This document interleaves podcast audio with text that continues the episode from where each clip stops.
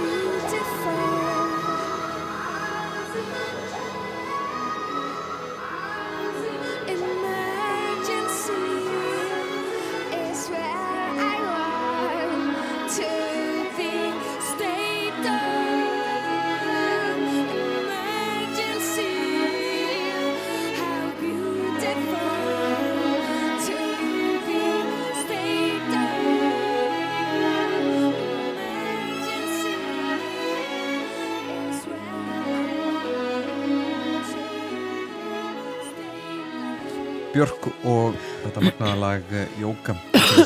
Rástuð þetta lögatuskvöldi gæstu minn Ragnir Ríkjöf, ég var að hósta. Ég haldi góðu. Já, já, við skulum bara hafa þetta með. Það má alveg hósta smá, það fólk hóstar. Okay. Ragnir Eilín Átnandóttir uh, eh, Fyrirverandi innaðar á þeirra Mm -hmm. núverandi verkefnistjóri Evrósku kvikmyndavelununa Jú, það, þau verða afhengt hérna í desember 2020 Já. og þetta er svona, þetta eru evrósku óskarsvelunin í rauninni. Þetta Já. er ekki kvikmyndahátíð, heldur velunaháttíð Ég skil og þau eru haldin á hverju ári, Mhm. annarkvært ári í Berlín og svo faraðu Á flakk á flakk og í fyrsta sinn á Íslandi. Já Þannig að það verður spennandi og mjög skemmtilegt verkefni sem er samstagsverkefni Ríkis og Borgar mm og við ætlum að, að nota þennan glugga til eins ítrasta og jafnvel að hafa bara evreska, evrópska kvikmynda árið á Íslandi 2020. Já, ertu núna að liggja yfir euróskum bíómyndum? Ég er búin að horfa á fleiri evróska bíómyndi núna upp á síkastið heldur en ég hef gert í lengri tíma, ég verð nú að viðkynna það. Já, það ekki. Eitthvað sem stendur upp úr sem þú myndir geta mælt með Ég er búin að vera að horfa til dæmis á, það var nú í, í hérna á þessari sjónvastöðum daginn, var Cinema Paradiso sem er svona mín, svona kannski uppáhalds uppáhalds. Já Þannig að hún er alltaf fyrsta myndin sem að, sem að ég nefni, eða sem að kemur í hugan. mm Svo var ég í gæra á, á Bessastöðum, það sem að hún hérna Claire Denis uh, var að fá heiðusvelun Riff -hmm. og hún gerði myndina Sjokolat sem að er Mhm. líka gömul og, og síkild og hún er náttúrulega gert fullt af öðrum myndum en þannig að þær eru margar þarna góðar Já. og svo er núna það er ekki búið að segja hverja verða tilnefnda 2019 Nei, en hvítu hvítu dagur er eina af þeim 46 myndum sem eru í pottinum. Þannig að nú þurfum við að, að vona að þeir fái tilnefningu eða þau. Hún er alltaf stórkostleg og hérna það verður svo gott pýjar fyrir okkur sem fyrir hátíðanum næsta ári sko. mm þannig ég er að hugsa þetta út frá nokkurum vinklum algjörlega. Herri, nú ætlum við að uh, skipta um gýr og, og fara úr kvikmyndum yfir í, yfir í músík. Við eflust tölum um, um, um kvikmyndir eitthvað hérna í kvöld. En þú fegst 20 spurningar. Mm og, og svara eru, ég var að skoða aðeins hérna og búin að finna öll lögin til og allt tilbúið hérna við getum bara að byrja að hlusta. Mhm. uh, en uh, það skýr í gegn allavega svona finnst mér að þú, er mikil tónlistar áhuga kona. Já, það var nefnilega eins og ég sagði við áðan það var, það var, þetta var skemmtilegt verkefni Já, að finna 20 lög og svara spurningum út frá því og kannski erfiðast við þetta verkefni var að velja. Það er svona svo að gera upp á milli badana sína doldið og það var, þetta er líka þú ert að spurja um svona tímabil í æfinni, á æfinni sem að maður kannski hlustaði meira á músík heldur en maður gerir núna. Nákvæmlega. Það er svo gömul, maður hlusta bara podcast. Og hérna þannig að þetta var, þetta var skemmtilegt hérna, verkefni. Mm og, varstu, og varstu bara með Spotify og, og, færi gegnum Já, doldið og svo fór ég bara svona eins og þegar kemur að því að velja svona 70s lögin og 80s lögin og allt þetta þá fór ég alveg byrju, ég er að gleyma einhverju lögum því ég hugsa alltaf bara fyrst um svona aðal mm -hmm. Þá sá maður einmitt alveg fullt af, af fór ég að skoða svona lista Já. 100 bestu og eitthvað, Já, já, já, þetta alveg, ó, ég list á þetta. Alveg. ég var komin alveg svona á ákveðna staði því að það er sem tónlist gerir. Hún færi mann bara tilbaka í tím heldur betur. Maður finnur líkt með þess að maður gerir það.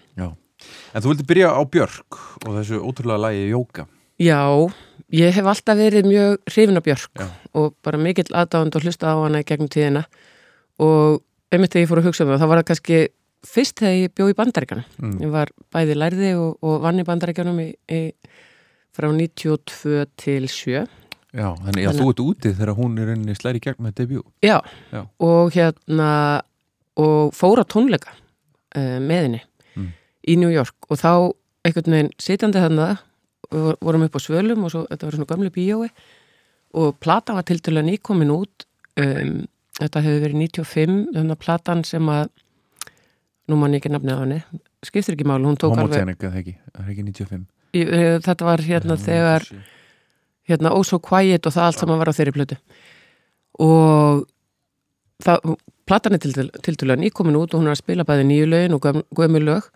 Og áhörðunir alveg stappað og uppselt. Það kunnu allir öll lögin og dönsuðu með. Og ég horfið að satarna og ég var svo stoltur íslendingur og ég hugsaði, vá, hún er orðin ótrúlega fræg. Já. Mér þóttum hún að spila eðislega en, en hérna, það að bara inn á mann hattan í fullu, fullu húsi að þetta var bara svona upplifun Mhm. og svo þegar ég var setna þegar ég var komin heim og fór að vinna hjá, ég var sérst að vinna hjá útlundsráði í New York en svo held ég áfram að vinna fyrir að því ég kom heim þá var ég verkefnstjóri fyrir sérst, uh, hérna, þáttöku Íslands í heimsýningunni sem var haldin í Lissabon 98 Já. og það er sýning sem stendur í, í þrjá-fjóra mánuði og ég var að undirbúa skálan og allt þetta og lægið Jóka sem að við viljum að spila það hérna var með svo fallegt myndband Mhm. hún er, maður skal skefti hún er í svona hvítri dúnúlpu og flýgur yfir landið Já.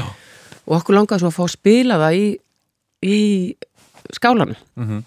og það var svo mikið minnstamál hún gaf leiði fyrir því að við fengum að spila það allt á, alla sýninguna í þessa þrjá-fjóra mánuði endurgjaldslaust, það var bara hennar framlag og mér er alltaf þótt að svo stórkostlegt og þetta vakti mikla aðtegli og þetta er svona besta landkynningar myndband bara sem að maður hefur séð og svo tengist hún náttúrulega því sem við vorum að tala um áðan uh, Eurósku kvikmyndafélaginu vegna sem hún vann sem besta leikona fyrir Dancer in the Dark og það sama ár var hún líka fekk hún líka áhörundavelunni Já. sem sagt áhörundakostninguna Mhm.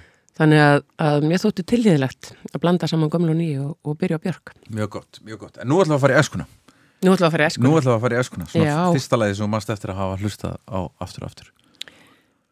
Ég óttast að þessi Robert Bánsið með Nærud Regnals en svona að því að þetta er á lögataskvöldi og, og kannski minni stemming fyrir því í útarpið þá fór ég þetta að hugsa líka hvað var það sem ég var að hlusta á þessum tíma og þá kom náttúrulega bara ABBA Já.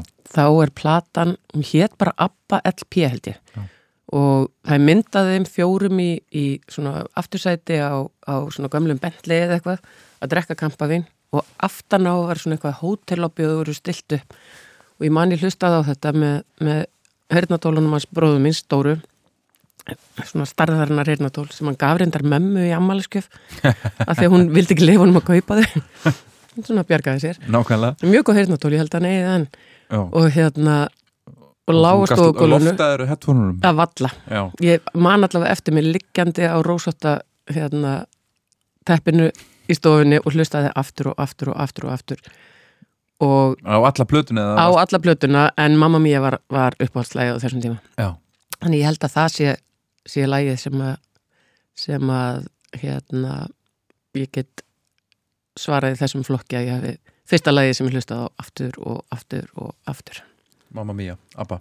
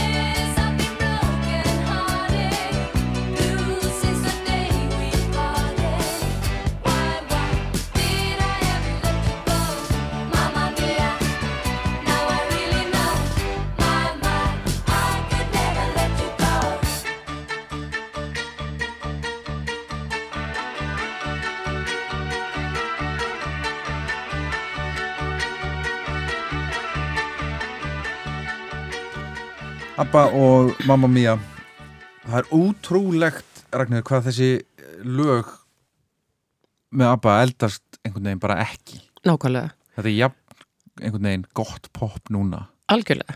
Og það sem er svo stórkostlegt og það er það sem ég uppgötaði þessu ferðalagi við að svara þessum spurningum í huganum var að þau lög sem að ég hlusta á þá eru bara lögin sem ég hlusta á núna. Ég Já, veit ekki hvort að það er eitthvað miðaldra en svo er nefnilega sonu minn sem er 17 ára hann er að hlusta á sömu músikinu og ég og pappans vorum að hlusta já, já, þannig að, að hérna, þegar hann er að búti playlista hann, að hann náttúrulega kannski er líka náttúrulega þetta með þetta yngra mm en hann er að hlusta á hljómsveitina sem við vorum að hlusta og getur þú hlusta á músikina sem hann er að hlusta á eða fariðu illt í eirun Nei, veistu að ég get það mestu liti til. Það Gott. er svona eitt og eitt lag en þú veist þetta nýja íslenska rap og þetta, mér finnst þetta bara frábæra tónlistam það er gaman að þessu. Mm mjög gott.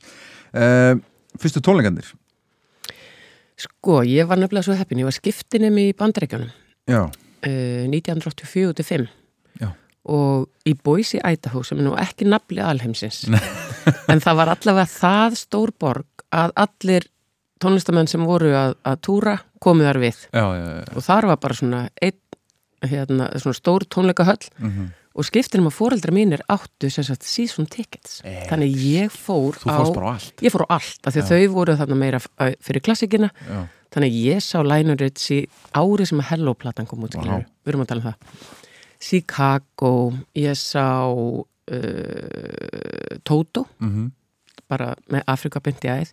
Og svona alls konar. Andy Gibb, það var nú reynda svolítið sorglegt, hann var orðin svona vel livjaður á þeim tíma í rauðum leðubuxum.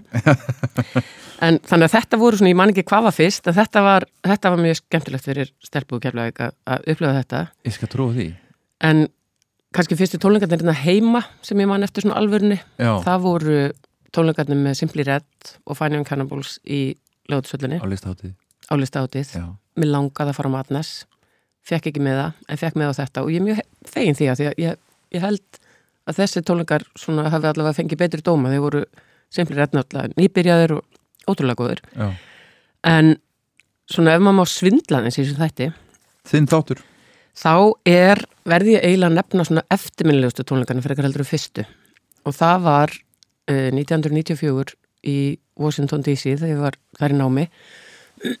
Þá var það var svona úti tónleikasvæði sem heitir Wolf Trap og það voru tónleikar með Frank Sinatra og þetta var, það var nýbúið að gefa út hérna duett plötuna fyrstu eða fyrri þannig að hann var bara sjóð heitu kallin nema hann var 78 ára. Já. og það er ótrúlega, við skemmtum okkur konunglega, þetta var svona allir með piknik og sátum hann og horfa og allir vinnahópurum fóru og þetta var mjög, mjög skemmtilegt nema hann var svona doldið að gleyma textanum í My Way og svona hann var komin alveg þangað og samt Frank Sinatra. Samt Frank Sinatra og ég sá Frank Sinatra á hann að dó. Og sonur hans var hljómsveitastjóri Mhm. Frank Junior. Og að því að hann var líka aðeins að fá sér á milli. Svo var hann að, að kynna svona eitthvað lögin og, og sonur hans var greinlega eitthvað trublan svona, því- var eitthvað svona að bögast í honum hann eftir kannski að fá sér hans minna eða eitthvað. Nema hann sagði svona sagði við ætla að fá að tala ennsku í, í útvarp allara landsmanna. Hann sagði Well, my son is telling me that I'm repeating my stories in between the songs svo fekk það sér sopa. Og sagði well, that's, that just goes to show that you should never hire a relative. Þannig hann svaraði því. En tónleikarnir voru, voru það var stemming. Já, en ég man orðrétt hvað stóði í Washington Post daginn eftir. Já, loka orðin á gaggrinni það var farið við tónleikarna og hitt og þetta sem úrskeiðis fór. Og það stóð Whoever is in charge of Mr. Sinatra's career by now should be ashamed of themselves for subjecting him to such humiliation. Þetta var ekki alveg svona slæmt fannst mér, Nei. allavega ekki minningunni, en það, var, það voru svona nokkuð moment. já en hann, hann spilaði ekkert mikið meira held ég Nei, ég held að þetta, þetta hlýtur að hafa verið, uh, svona hljóta að hafa verið með síðustu tólengunum hans. já, nákvæmlega, Það var stemming, við skemmtum okkur vel. nákvæmlega og við ætlum að lusta á, á duett með Sinatra á þessari plötu Já, duett með Bono uh, I've got you under my skin og það, ég hefði nefnilega líka séð hérna U2 á tónleikum bara tveimur árum áður í Já. bandarækjunum líka þannig að ég tengi þá svona tónleika hérna lægið.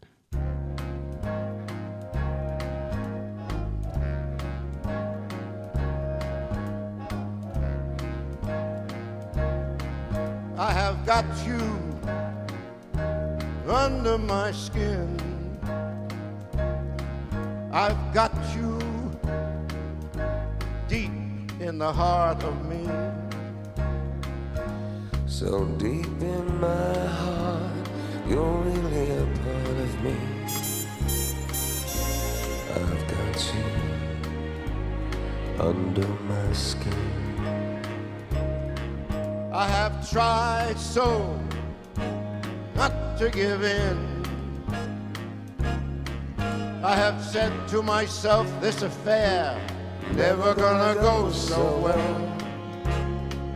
But why should I try to resist when, baby, I know so well That I've got you under, under my, my skin. skin? I would sacrifice anything, come what might, for the sake holding you near. In spite of a warning voice, comes in the night, it repeats and shouts in my ear. Don't you know, blue eyes, you never can win. Use your mentality, wake up to reality. But each time I do, just the thought of you makes me stop before I begin. Cause I've got you under my skin. Skin.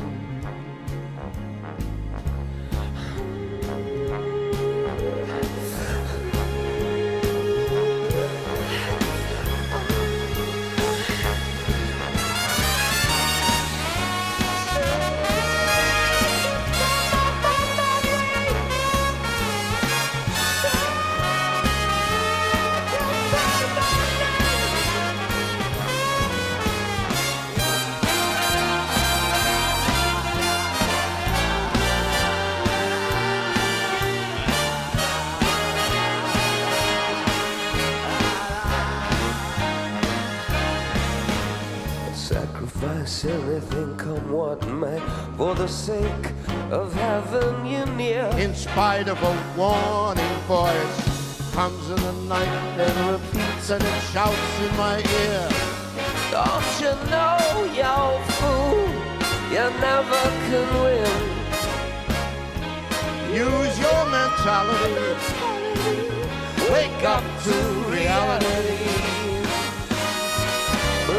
Time that I do, just the thought of you makes me stop Before I begin, cause I've got you under my skin. And I love you when you're under my skin. Frank Sinatra á Bono I've got you under my skin þetta er að finna á, á fyrri, það voru tvær eða ekki Jú, svo fyrir var nú betri. já, Það er hérna hún var að spila meira en já það báðar. já Það er að draga það fram. Ertu, ertu ennþá að hlusta á, á gísladiska eða blöður? Nei, Ertu ekki, ekki bara komin á Spotify? Ég er komin á Spotify Já. og ég bara leita samt aldrei mikið að gamlu plötunum á Spotify. Ég var einmitt að ég horfði á geisladiska samnum mitt um daginn sem að tekur ótrúlega mikið pláss í bókahillunum og ég var að segja um manni minn, er ekki komin tími til að setja þetta í kassa og setja fleiri bækur upp í hillur mm það er svona, það er svona end of an era ég er búin að pakka mínum sko. Ég er með vínilblöndum minnum uppi sko. Já, ég er nefnilega átti miklu færri plötur. Já, ég veit var ekki byrjuð eitthvað en í þeim bransa. Nei, kannski bjóst líka úti og vonast að að fara að búa til eitthvað vínilsapn og fara að bögla því heim. Nákvæmlega. Þannig að, og ég átti aldrei plötuspilar úti, ég var með geislaspilar úti. Já, en þú, hérna, Ragnar varst að tala um þá hefur verið skiptinni með hann í Bósi í Idaho. Já. og þá færið út hvað hva gömul Ég var að verða 17, ég var Já. sem sagt 17 til 18 ára. Og hva, manstu eftir, fegstu eitthvað svona kultursjokk? Var þetta aðeins stærra og meira en þú helst Já, ég var Boise er ekki stór borg, kannski svipað og, já, kannski 200-300 manns á þessum tíma. Mm en ég var í stórum svona amerískum hæskúl hérna, þannig að þetta var bara doldið eins og bíómyndin. Þú veist, Já, það, já. það var alveg nógu stór og það var fótboltinn og það var, það var hérna kaffeterjan og, og hérna ræðuliðið og, og allt þetta sem að þú sérði klíkurnar sem þú sérði í, í amerísku bíómyndu. Þannig ég var náttúrulega mjög þegar ég fekk, að því ég fóð með AFS og ég, maður velur sér ekkert maður velur sér bara land, Já. svo er para saman og því ég fekk pappirina Boise, Idaho, ég bara svona, þú veist mér langaði auðvitað að fara til Kalifornia eða Florida eða New York eða eitthvað. Og ég bara svona, þetta er ömulegt pappi gerði svo mikið grína mér að því að ég borðaði aldrei karteblur bara fannst þær mjög vandar spýtti þeim út um mig þegar ég var lítið barn. Og hann bara trilltist úr hlátri og bara í hvers getur sem að leita á mig næstu vikur þá bara skellt hann upp úr. Af því að það er sko Idaho where the potatoes grow þannig þetta var karteblur hér að bandarækjana já, já, og hérna, en ég byrjaði að borða karteblur já. og ég var mjög heppina því ég fór til frábæra fjölskyldu, ég var í stórum skóla en samt var ég í lítilli borg og allt mikið öryggi. Og svo hef ég hundra sinnum komið til New York, bjóð þar. Uh, ég hef komið á alla hinna þessa staði en ég hefði aldrei farið til búið sér æta nema því ég var senda okkar Nei, þannig að þetta var alveg Já, mikið skíðasvæði, þetta var í klattafjallunum þannig að já. bara frábært. Um, Næst er það Fyrir aftur heim, út alveg upp í Keflavík. Já, Já, þeim mikla músíkbæ þeim mikla sjálfur eins og hann er nú ég, kallaður. Já, ég er mjög mikill músík unnandi Mhm. en þar stoppar. Ég er ekki mjög hæfileika ríkið þessum efnum. Bara Nei, ekkert. bara hlustar. Já, mamma og pappi hlustuðu mikið á Benny Goodman Mm. og mömmu fannst upplætt að ég myndi læra klarinetta því hún vildi eitthvað neginn að ég erði Benny Goodman. Já, en Benny á ennþá titilin og læriður að klarnett Ég lærði á klarinett í nokkur ár en ég get ekki sagt að það sé mín stærst, mín svona mestu mestu sigurstundir í lífinu. Nei, nákvæmlega. En, og, en var mikið músík á heimilinu? mm. Hann pappi, það var hérna ágætlega mikið hlustað á, á músík á, á mínu heimili og þau voru alltaf í jazzinum, svona Louis Armstrong og Ella Fitzgerald Mm. Mahalia Jackson, það kom aldrei í jól nema mamma spilaði Mahalia Jackson hérna syngja hérna, heimsu ból. Og svo svona á ákveðin tímabili þegar Evita var uh, hérna það kom söngleikur held ég, mér minnir að það verið Andrew Lloyd Webber og, og hérna, ekki Tim Rice, nei hvað heitir hann sem var alltaf með hann, Rice allavega. Um, það var söngleikur í London sem ég held að þau hafi farið og séð keift plötuna, þetta var svona tvöfalt albúm hvít, svona stó- stóð svona evita yfir. Og það var mikið spilað og sérstaklega svona ef að mikið stóð til og maður var upp í herbyggi og það var búið að kveikja á evitu og þau var svona, ah, þau eru að fá gesti það er partí. Þannig að Don't Cry For Me Argentina er svona, er svona hérna, fílgullag þeirra í, í minni minningu. Já, já, já, það var alltaf allir mjög glaðið þegar evita var komin á fónin nákvæmlega og flutt af, af hverjum? Mástu hvað söngu þetta? Guð, ég veist, ég man það ekki, það var bara einhver söngkona á, ég held þetta hafi verið útgáfan á plötunni sem var sem að hérna var allavega söngleikurinn. Þetta er að ekki Madonna útgáfan það, nei, nei, nei, nei, nei, nei Nákvæmlega, skulum hlusta á þetta. Ok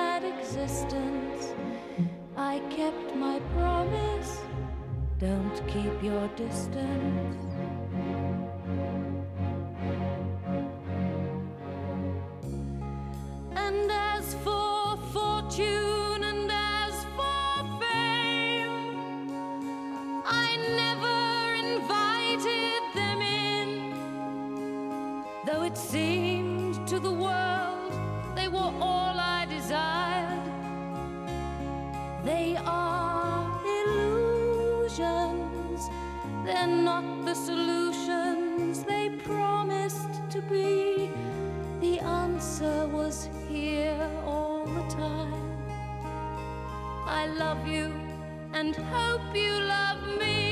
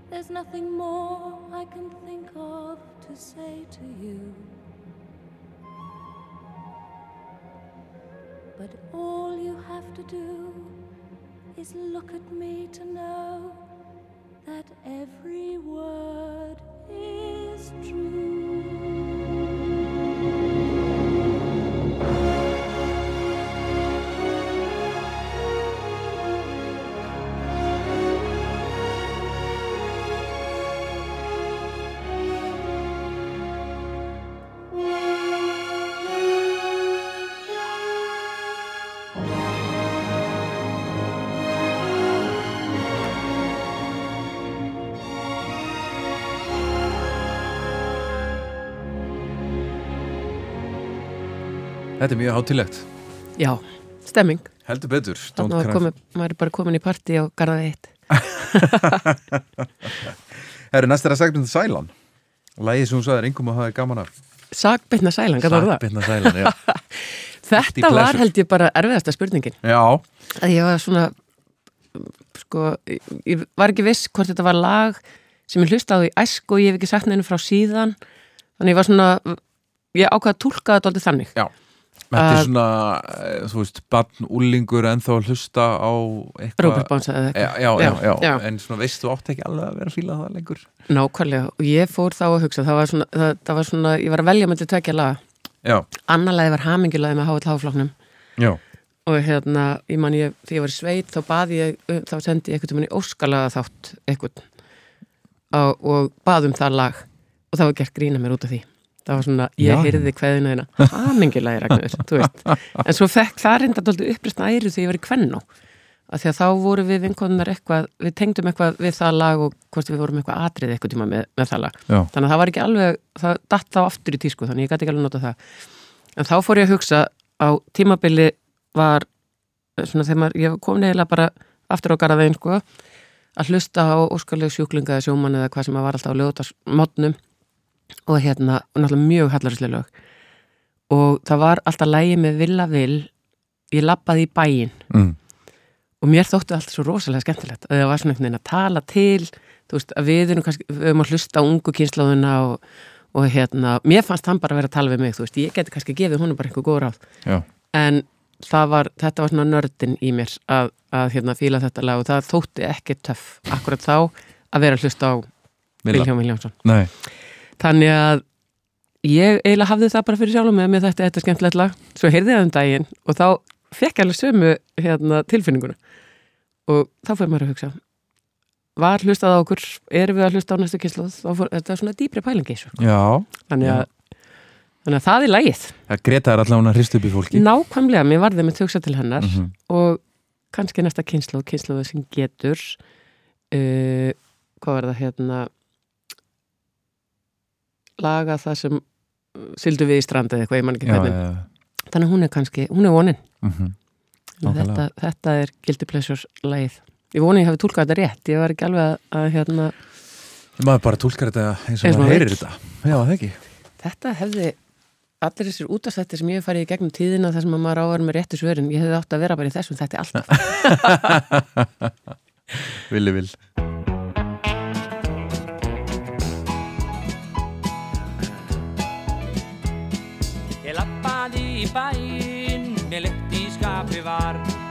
að líta inn að búlur samkvæmt vana. Mér fannst ég vera þyrstur, fekk mér bjórglasinn á bar og byrjaði að spá í náttúrafnana.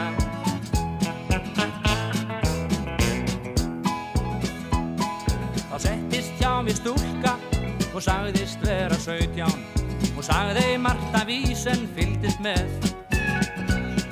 Ég gaf mér nægan tíma því oft er það mín áþján að ætla að gefa ráð og elgin veð. Við töluðum um bilið sem byggjum við að kvöt um bilið milli aldurs sem er gríma. Við gefa viljum börnum okkar græna skó og fött en gleymum oft í dýrmætasta tíma.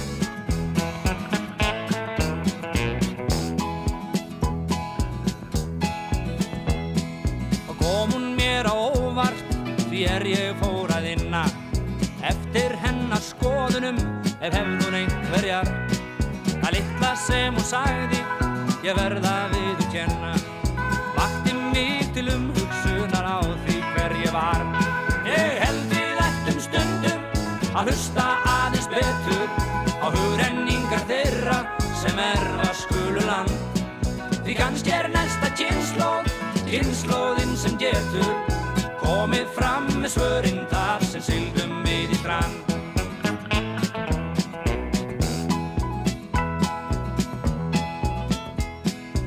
Okkur kann að finnast að ungdómurinn nú sé einskis nýtur rétt í lífsins skjólum En gleymum ekki staðrindum því staðrindin er svo að vorum ég og þú sem upp að hlusta aðeins betur á hugrenningar þeirra sem er að skulu land Því kannski er næsta kynnslóð, kynnslóðin sem getur komið fram með svörin þar sem syldum við í strand.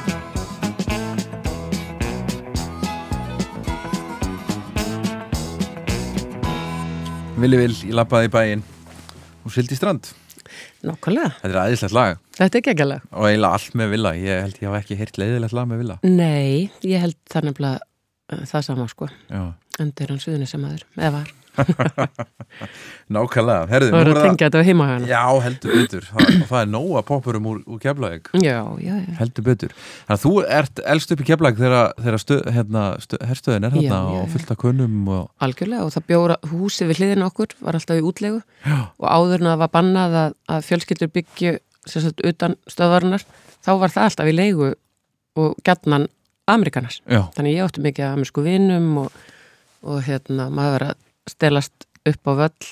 Þau, þau máttu náttúrulega bjóða manni, maður fór á ykkur að beisbólleiki og í bíó og svona. já, En svo þegar maður var aðeins svona eldri þá skreið maður í gegnum ákveði gata á gerðingunni og fór á vendís og, og hérna, nú er ég viðkenna hér fyrir allþjóð að ég, ég hafi brotið lögin þetta margóft og, Og þetta var vita bara hjá, svona. hjá keflvíkingum að það var gat þarna á einhverjum einu staði og, og ekkert mál. Já, það, það var, svo var loka fyrir það gat og þá kom bara eitthvað annað gat og, já, já, já, þannig að maður fór svona og, nokkuð sinni. og var ekkert verið að kipa sér upp eða eða þið komist inn? Eða þurftuð að að hlaupa með frá veggjum? Nefn að talaði með rosalega miklum amerískur heim sem að held að enginn myndi fatta að maður væri íslenskur sem er náttúrulega grundallar miskilningur þannig að þetta, þetta hérna, en það voru náttúrulega sko, maður fór stundum pabbi minn var flugumferðarstjóri þannig að ég fór kannski ekkert með honum inn, í, inn á völlinn nei, nei, nei, nei. en þú veist þangað og svo voru ymsi fóreldrar sem unnu þú veist í hjávarnaliðinu og Mhm. þannig að maður gatar, það var alveg þannig að, að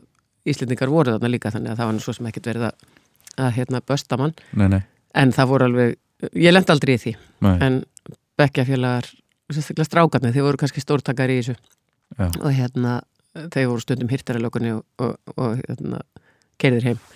En það var nú engin, það var engin svakalig viðil og minni mig sko. Ég, ég kom að það bara eftir, þetta, eftir að þeir fóru og var opnað og, og hérna mér var svo skrítið að sjá þetta þetta þorp þarna, Mm. bæ sem veginn þeir byggðu. Það var svo, það var byggt eitthvað svo, það var svo stórt. Dreift. Dreift, og svo tekur eftir því að vera engi tré. Engi tré. Af því að það er bara hérna handbókin í, hjá bandarækja hér að það má ekkert vera gróðsetja tré af því að óvinnindin geta fallið sér í trjánum.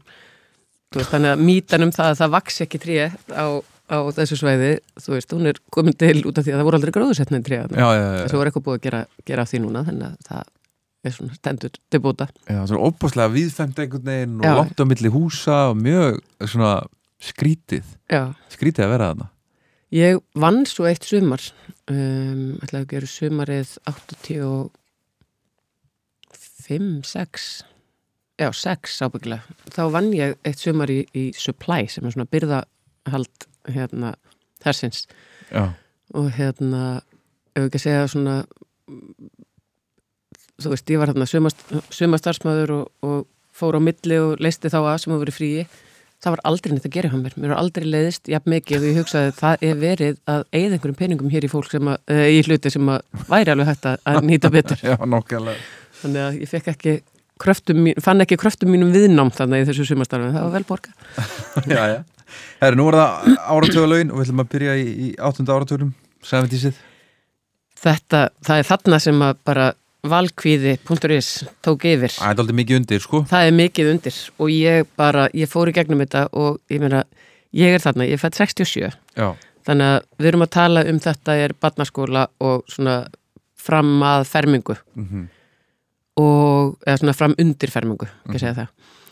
Og þetta er ABBA, þetta er Grís, þetta er Saturday Night Fever, þetta eru bara, þú veist, Jackson er að byrja þarna, þú veist, þetta eru bara allir mínu bestu vinir í heiminum nákvæmlega. eru þarna með lög. Já. og þú ert að byggja mig um að gera upp á milli, milli barnana minna. Þú veist, þarna er Queen þarna er Blondie, þú veist, sem var alltaf geggjuð. Og hérna eða, hún kemur, hún kemur setna nei, hún er þarna líka. Hún er hérna líka, sko. Bæ, uh, hún, þau, þau eru hérna á báðum áratöðunum, sko. Já, mér finnst erfitt að velja. Mm. ég er búin að spila ABBA þannig að, að hérna, sá áhugi minn á ABBA er komið fram í þessum ágæta þetta þannig að Grís, Night Fever ég var doldið að, að hérna, velja þar á milli, ég held að bara ég er að hugsa um leðubúsna sem ég keipti og, og allt þetta, þannig að þetta var bara svo stór partur af, af þessum tíma. Og þá fór ég að hugsa um hérna, hvaða lög maður var svona að gera eitthvað við. Þá kemur hið viðfræða lag You Should Be Dancing með Bee Gees upp í hugan og þá er ég í batnarskólanum í Keflavík og það var eitthvað skólaskemmtun. Og við vorum sem sagt þrjár sem að ákvaðum að vera Bee Gees og mér minnir að ég hafi verið ég var held í barri og við byggum til bóli og við fluttum þetta lag nema á seinustu metrónum þegar við vorum að æfa þá kom fjórðavinkonan mjög spældur ég að vera ekki með. Þannig við bættum Andi í Bee Gees þarna og fluttum þetta lag með miklum til, tilþrifum. Should Be Dancing og það er óglemalegt fyrir alla í fjórða sjóð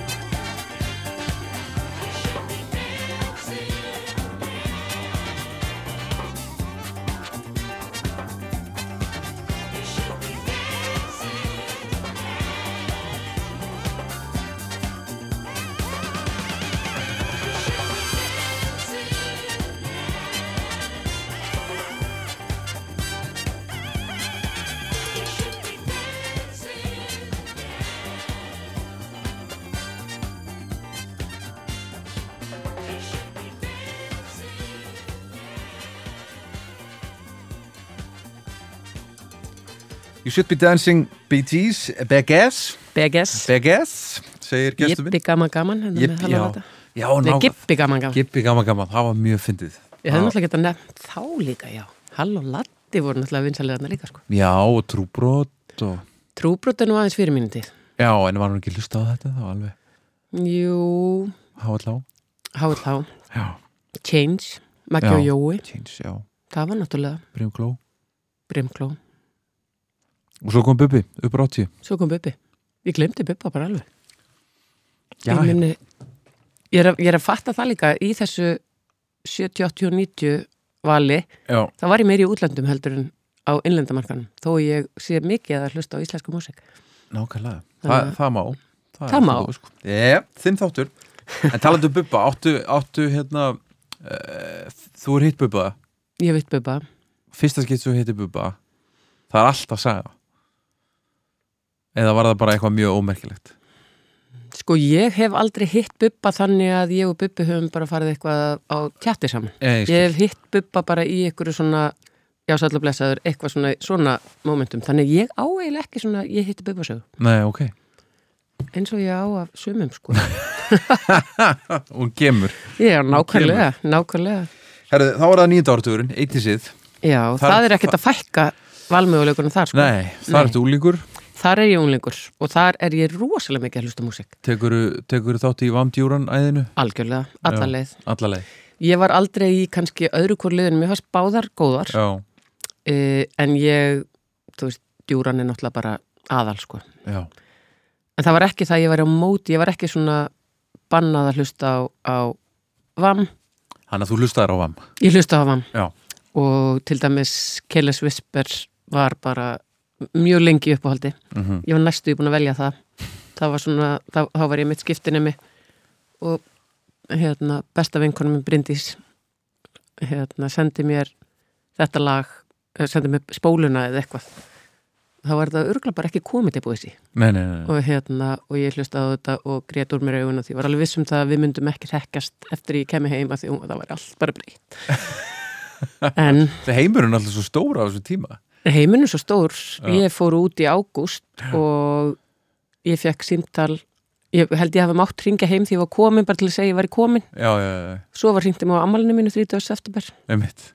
Og Bryndís komið mitt sérstaklega heim til fóreldra minna til þess að vera hérna, þáttakandi í þessu símtali. Og við grenjuðum bara í síman og pappi stóðan og hugsaði "Oh, þetta er nú frekar dýrgrátur af því að það var bara, þú veist, við gátum ekki sagt neitt við sögnum hvora hann hló geðislega mikið. En við erum ennþá vinkunum í dag þannig að þetta, þetta, hérna þetta slapp allt til. Já, já, já, já. En- en sko á þessum tíma er maður líka að hlusta bara á svona alls konar. Um, þú veist, þarna kemur til viðbúta við lista sem við höfum með áðan. Mhm, á náttúrulega David Bowie, mhm. Michael Jackson þú maður meinu allar minnast á hann lengur. En mér finnst það næði samt sem tónlistamæður the Mirror er svona alltaf mitt uppáhalds. Þú veist, við vorum með Madonnu, Prince Aha veist, allt þetta. Og svo þegar ég var í Boise þá kynntist ég hérna Violent Femmes sem er hérna Blister in the Sun og allt þetta, öll þessi lög. Sem þannig að maður myndi ekki hérna vilja spila þau kannski í útarpinu svona daldi tónulega texti og svona. En Ekki með hérna- það sem gengur og gerist í dag? Nei, nei, nei, reyndar ekki, reyndar ekki. Jasu, hérna, þegar það var að byrja það heit alltaf Jas í Ameríku Úslafindið, veit ekki okkur hún var Jasu hér en Jas þar. En svona heilt yfir þá er þetta áratugur djúran djúra Já, og það er bara ekkert, nein, við komumst ekkert hjá því. Nei. Það er bara, og ég vil ekkert komast hjá því. Nei, nei, nei. Mista tónlingunum um daginn, fór hérna senast þegar þið voru þannig er það ekki bara Ríó? Jú, það er bara leið Frábært lag. Mm.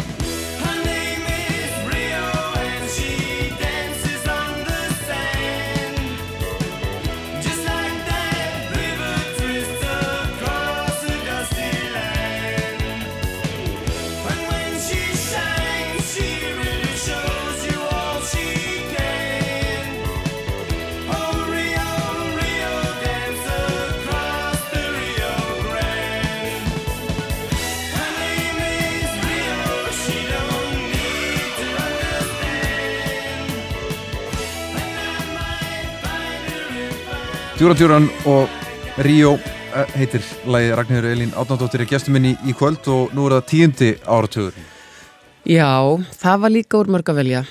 Já, Þannig er ég í bandaríkjunum Mhm. og, eða svona, já, bæði bandaríkjunum klára háskólan, fara svo út í framhaldsnám og bý bandaríkjunum og Georgetown var rosa mikið vitni Houston uh, við stelpunar í, í, í hérna, mörgum skemmtilegum partíum að, að þykjast að vera hún sönglega séð sem var ákveðin líka miskilingur en það er eitt lag ég er alltaf, maður, músík er svo tala um tekur mann tilbaka í tíma og ég veit ekki, ég var voða mikið að keira á Reykjanesbreytuna á þessum tíma, litla bílnum minnum, Daihatsúnum og ég var með kassettu náttúrulega í bílnum með Sinead O'Connor og það sem að maður er einn í bílnum þá getur maður sungið rosa hátt og Já. bara, þú veist, maður syngur rosa vel líka þá. Heldur það betur. Er, bara, veist, það Það er eiginlega bara ólíkindum. alveg. já. Og þetta lag sem að mér finnst vera svona eða svona sem ég valdi en aftur, aftur segi ég, ég er að gleyma svo mörgum að hérna ég byrði forláts ef ég er að móka eitthvað en Sinead O'Connor uh, Nothing Compares to You það er bara, það er svona fílgútlægið á þessum tíma sko. Já, það er lagið til prins það er lag eftir prins nefnilega Sagan segir að hérna uh, hrengjarningakonan hans Mm. hafi hætt og þetta sé lagið Sem hann samdi eftir hún hætti. Að hann er bara að sakna reynginningakonum Já, mér finnst það samt svolítið grútlegt. Ég nefnilega, hérna, þetta svona þetta segir sagan, ég, veist. Mér finnst þetta góð saga og ég ætla trúinni Já, og mér finnst þetta bara með hérna, virðingu fyrir öllum sem að taka til mm þess að þetta er svona svipað eins og þegar ég var, ég gekk mjög illa um herbyggi mitt þegar ég var, var krakki og unlingur og, og allt það. Já. En um leið og ég flutti út sjálf þú veist ég bjó aldrei um mig Nei, áður og mam- mömmu minni þótti það svo leðalegt og ég bara heyrðu lokaði það bara inn til mín. Þetta var bara, láttu þetta ekki trublaðið þú veist, ég var bara með þetta viðhorf. Og ert þú orðin móðin í dag? e, fyrir löngu síðan. Og ég varða bara um leið og ég fór að búa ein. Já, já, já. Þá bara, ég var valla stíðin fram úr þá búið um. Já. og svo heyri ég bara töðið í, í mömmu þegar ég er að tala við drengina mína þannig að mér finnst þetta góð saga með prins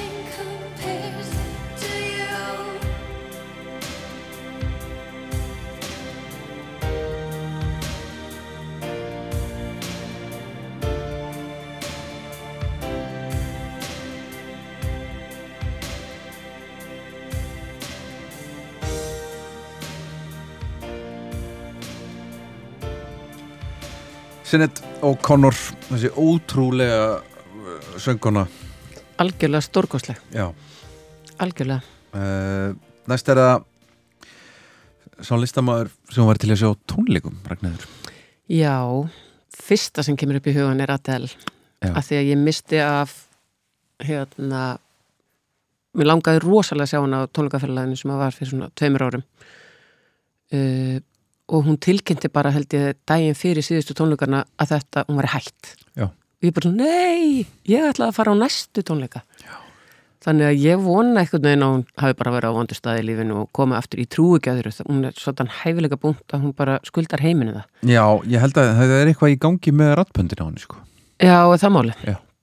Við bara hljótum að trúa á mátt læknavísindana, Já. vegna þess að það er bara heimurinn má ekki verða af þessu. Stórkostlegu listamæður. Mhm. Svo held ég hún sé ótrúlega skemmtileg. Hún er mjög fyndin sko Ég sá einhvern tímann einhvern þátt með henni þar sem hún var hérna út að keira með honum hérna, hvað er hann, James Corden. Cor- Corden.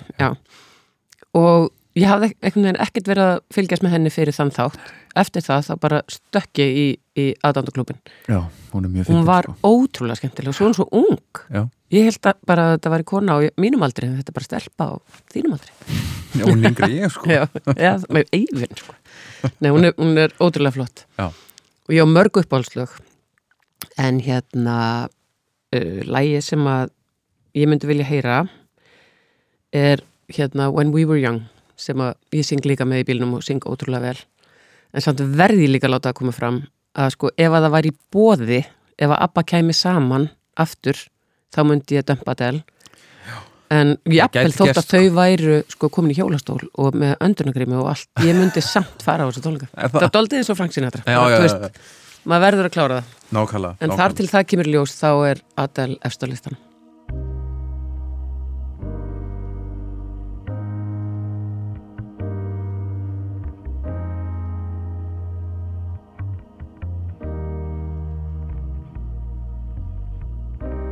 Everybody loves the things you do, from the way you talk to the way you move.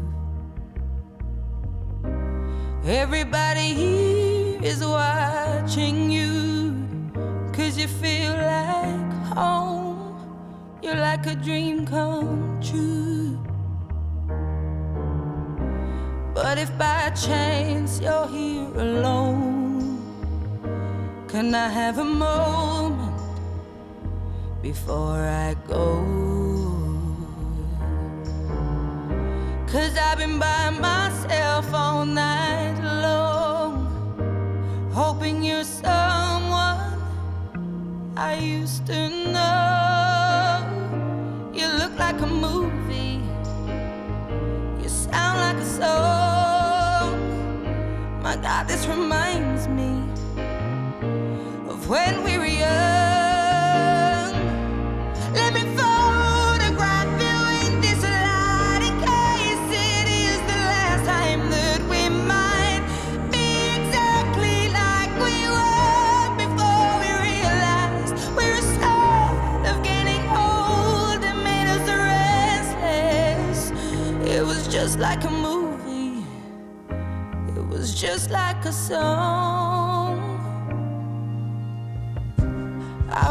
Scared to face my fears. Nobody told me that you'd be here.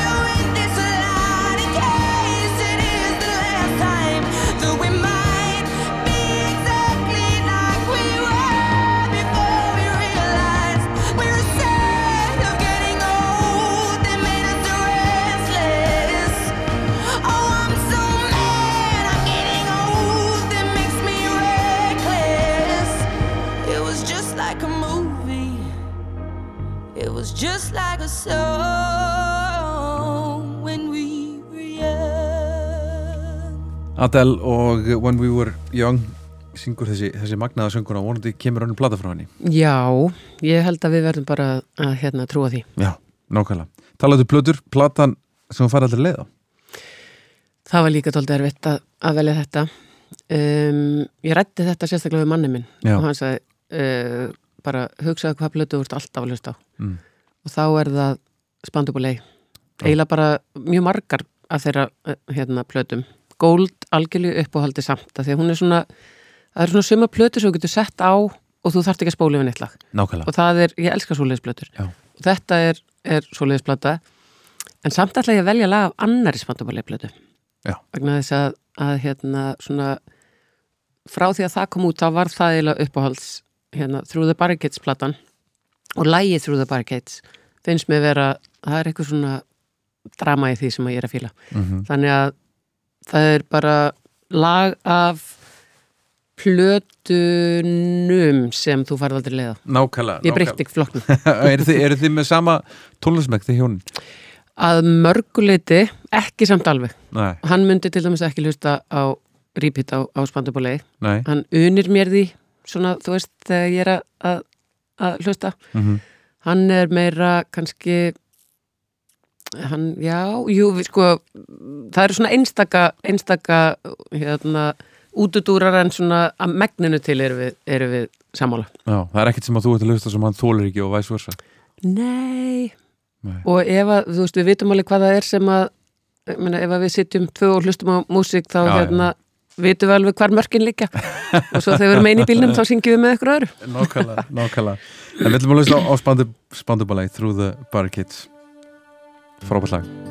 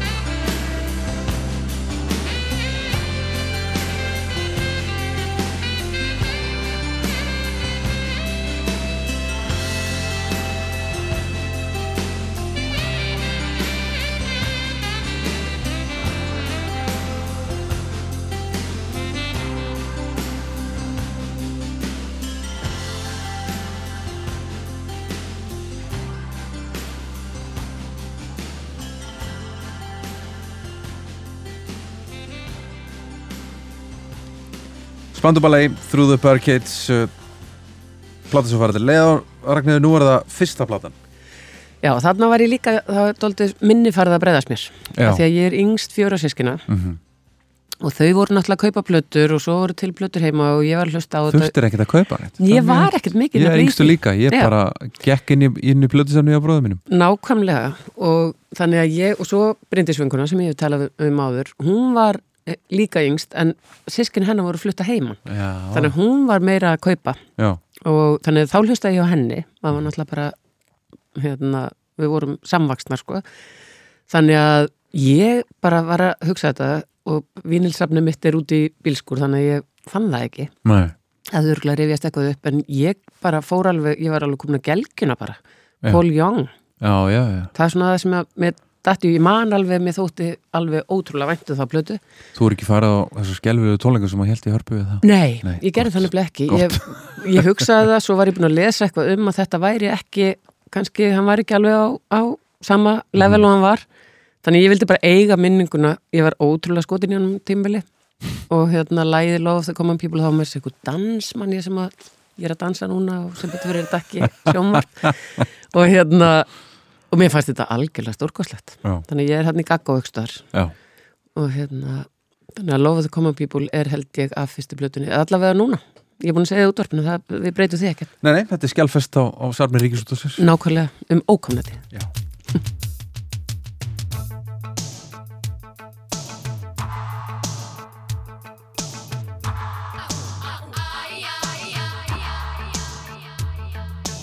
Living on free food tickets. From a hole in the roof where the rain came through. What can you do? Mhm. Tears from your little sister. crying because she doesn't have a dress without a patch for the party to go. But you know she'll get by Cause she's living in the love of the common people Smiles from the heart of a family man Daddy's gonna buy you a dream to cling to Mama's gonna love it just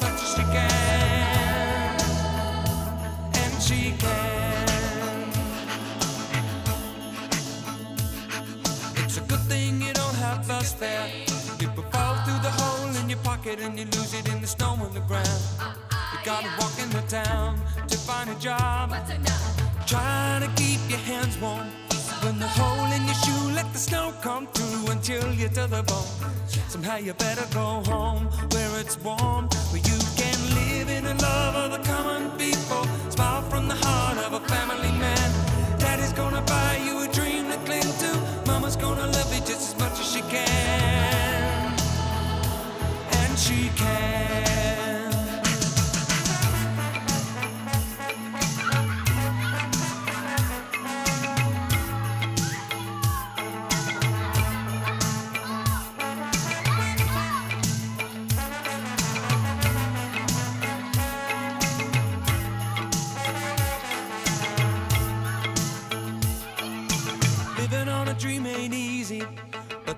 but the knit, the tighter the fit, and the chills stay away. Just take 'em in stride for family pride. You know that faith is your foundation. With a whole lot of love and a warm conversation, but don't forget to pray. Just making it strong where you belong. And we're living in the love of the common people. Smiles from the heart of a family man. Daddy's gonna buy you a dream to cling to. Mama's gonna love it just as much as she can. She can.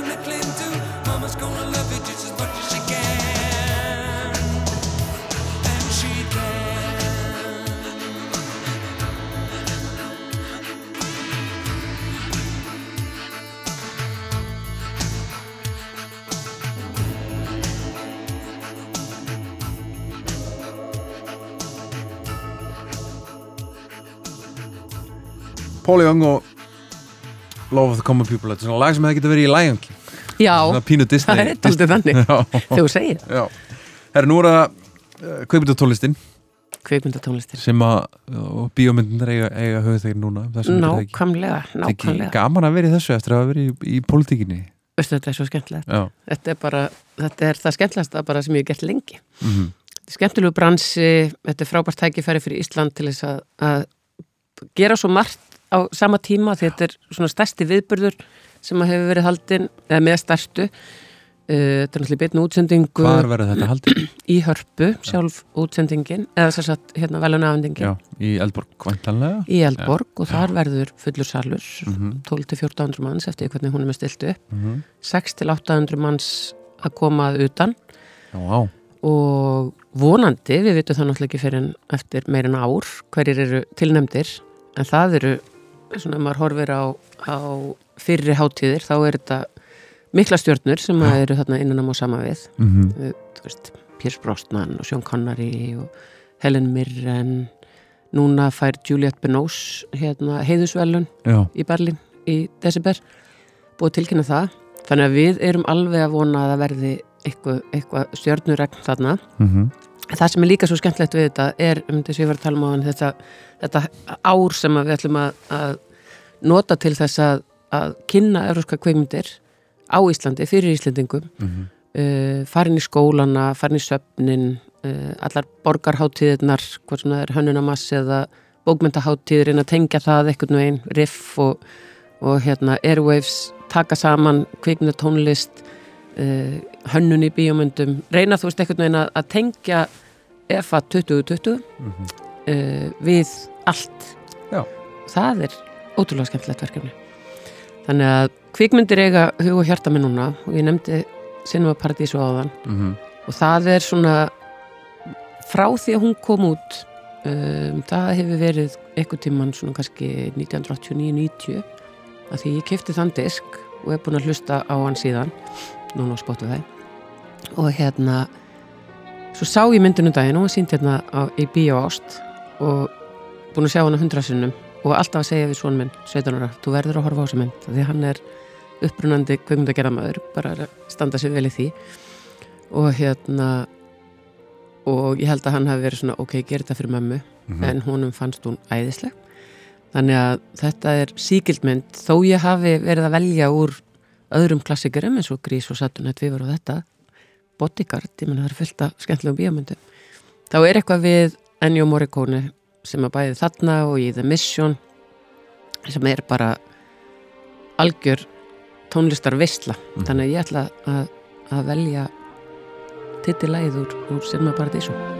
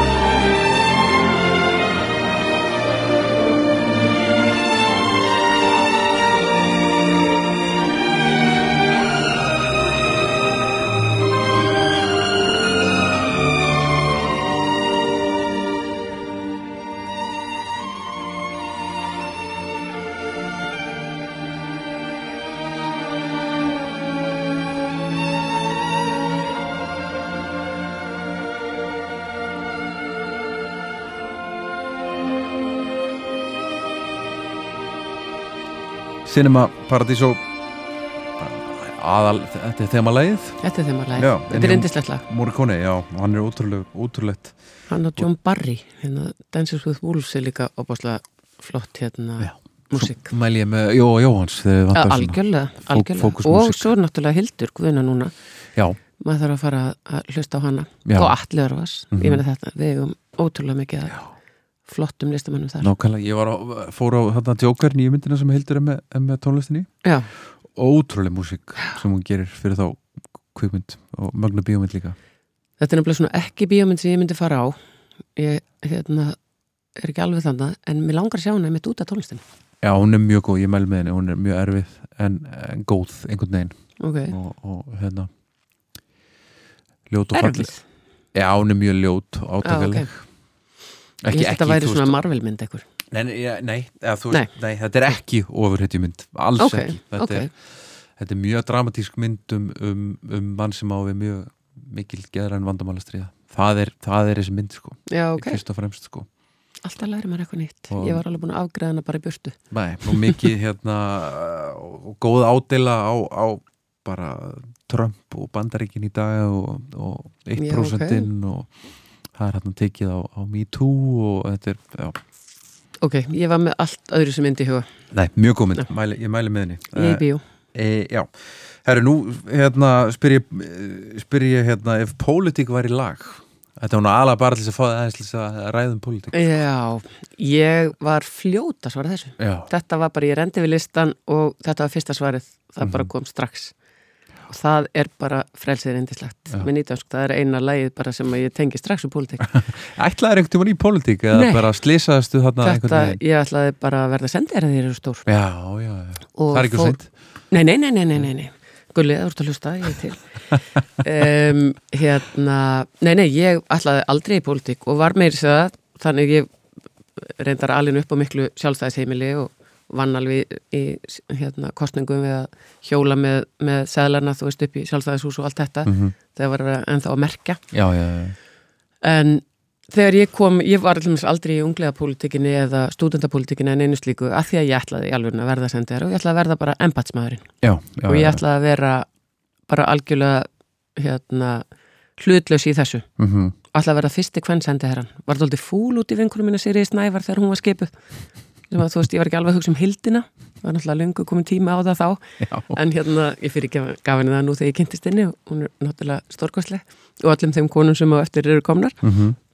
en, og fór í, hérna, var í stjórnmálfræði hérna heima og fór svo í, í mastersnám í Georgetown í, í bandarækjunum í gráðan heitir Master of Science in Foreign Service Já. þannig að Já, ég ætlaði bara að vera það Já. en svo er bara eins og Lennon sagði life is what happens when you're busy planning other things. Mhm. og ég byrjaði nú ágætlega, var að vinna hjá útlundisáði og var viðskiptafulltrúi í, í New York og hérna sem var svona tengist þessu mjög vel.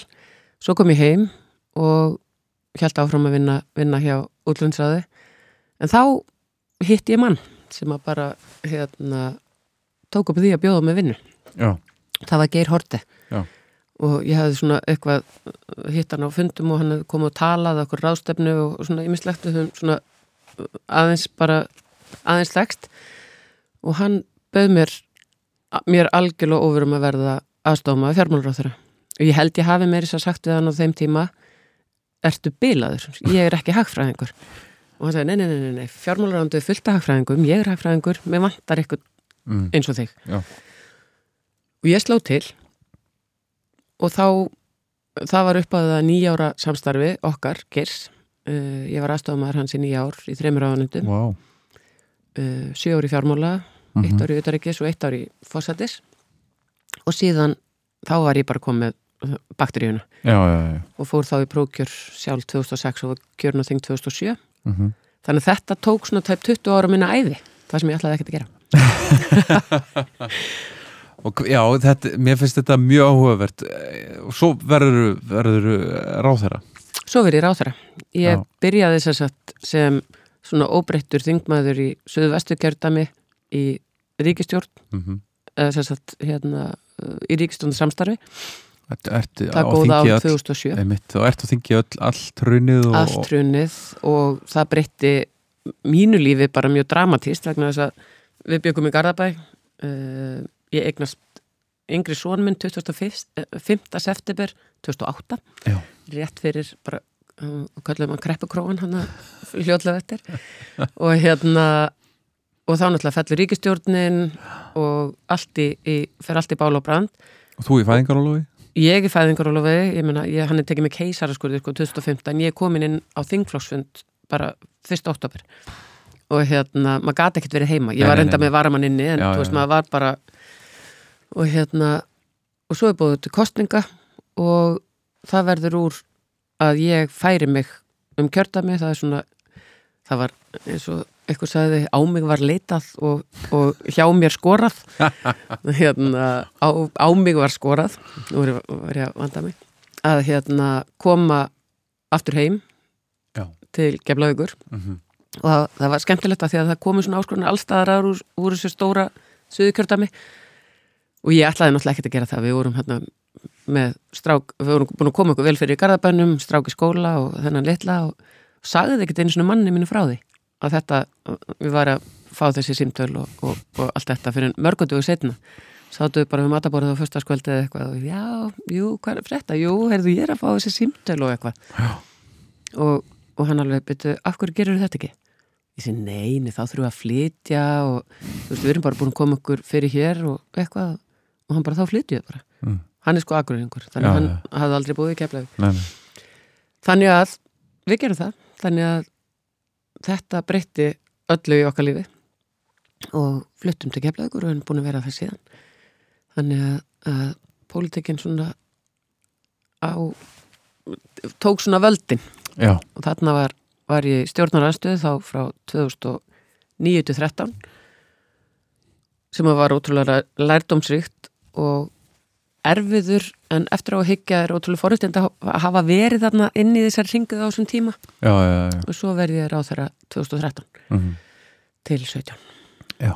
Nákvæmlega Og svo sagði það bara skiluðu pólitík svo sagði ég bara skilu við pólitík ég náði ekki þeim markmið sem ég ætlaði mér í, í prókjöri, var búin að fara í gegnum þrjú prókjör áður með góðum árangri sem ég fannst vera mjög góð skilabóð um að, um að hérna, halda áfram mhm.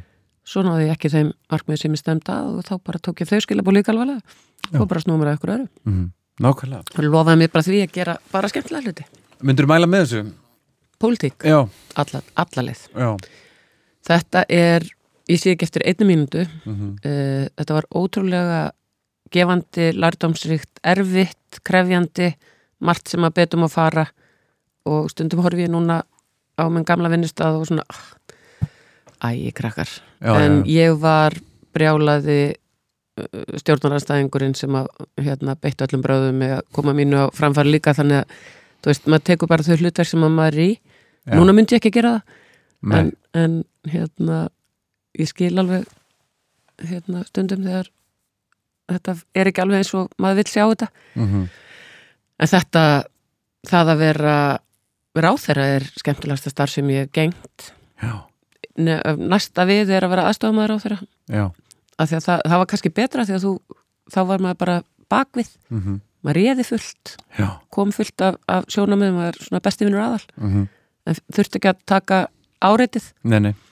En hérna en það er ótrúlega gaman. Og þegar maður lítur tilbaka ég bara hérna núna í til dæmis bransanum sem ég er í núna að það er svo gaman að finna að fólk sem að, maður var að vinna með þá að mm, þau vorum að, að breyta lögum um endurgreislur til kvikmyndagerðar eða setja á tónlistar. Endurgreislurnar vann ég mikið með þessum geira. Mhm. og mér er mjög hlýtt til þessa fólks og það er gott að finna þeim með það líka til mín. Þannig að það er gott að vinna með þeim núna. Nákvæmlega, nákvæmlega. Þannig að frelsið er er bara pólitíska lagið. Já, mjög gott, nýdansk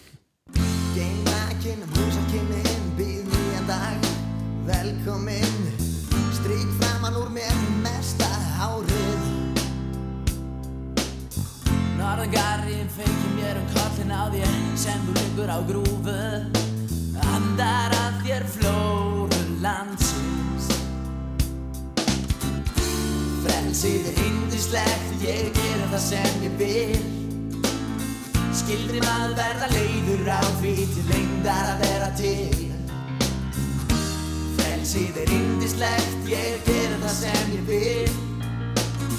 Skildi maður verða leiður á því til lengdar að vera til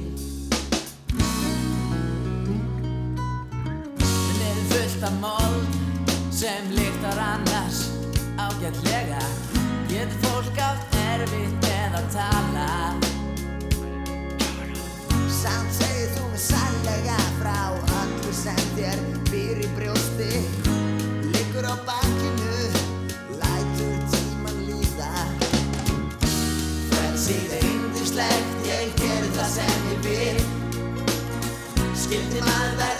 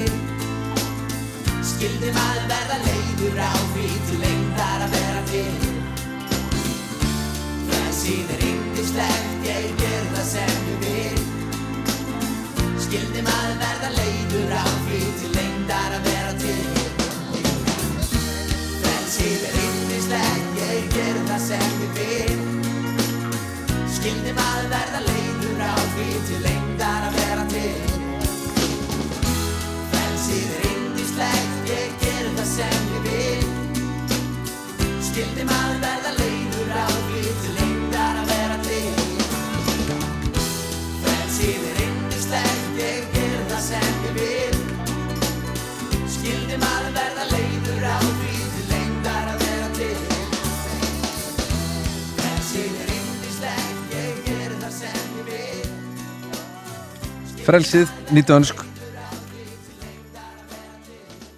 Við ætlum að halda okkur við íslenska tónlist Ragnir, mm Mhm. í uppáhalds íslenska lagi Það voru líka ótrúlega mörg. Ég er að fatta það samt að ég bara, bara þegar við erum að tala þá er ég að gleyma bara fullt sem ég var með í, með í hérna, sem ég var ekki með þegar ég var að velja þetta. Já, En ég hlusta mikið af íslenska tónlist. Mér finnst bara, það er ótrúlegt hvað við eigum mikið að, að flottum Já. tónlistamönnum. Já.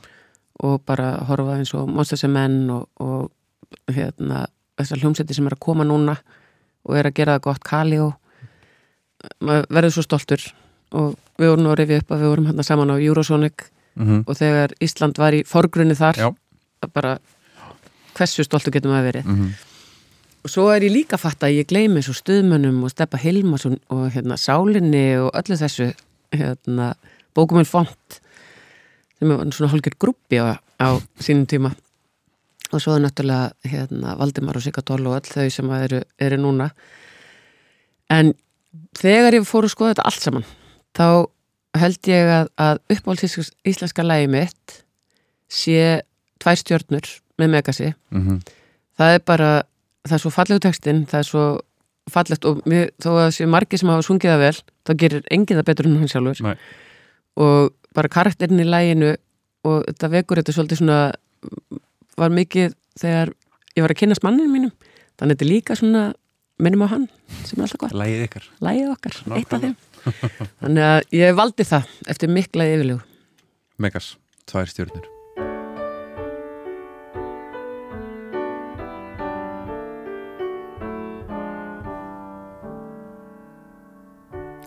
Tíminn flýgur áfram og hann teimir mig á eftir sér. Og ekki fæ ég miklu ráðið um það hvert hann fer. En ég vona bara hann hugsi svo litur hlýlega til mín. Og leiði mig á endanum aftur til þín. Ég gaf þér forðum keðju úr gulli um hálsin þinn Svo glemdir þú mér ekki í dagsins amstri nokkurt sinn. Í augunum þínum svörtu horfði ég á sjálfan mig um hríð. Og ég vonaði að ég fengi bara að vera þar alla tíð.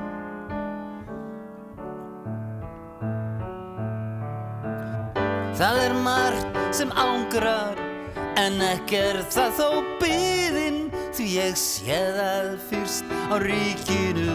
Hver langur tím er liðin Og ég skrifar eitthvað með fingrinum Sem skiptir öllu máli. Því að nóttin mín er dimm og ein Og dagurinn á báli. Já og andliti þitt mála Hver ég man það alltaf skýrt. Að glínur og bleikar varir Brosið svo hýrt. Jú, ég veit vel að ókeipis er allt það sem er best. En svo þarf ég að greiða týru verði það sem er verst.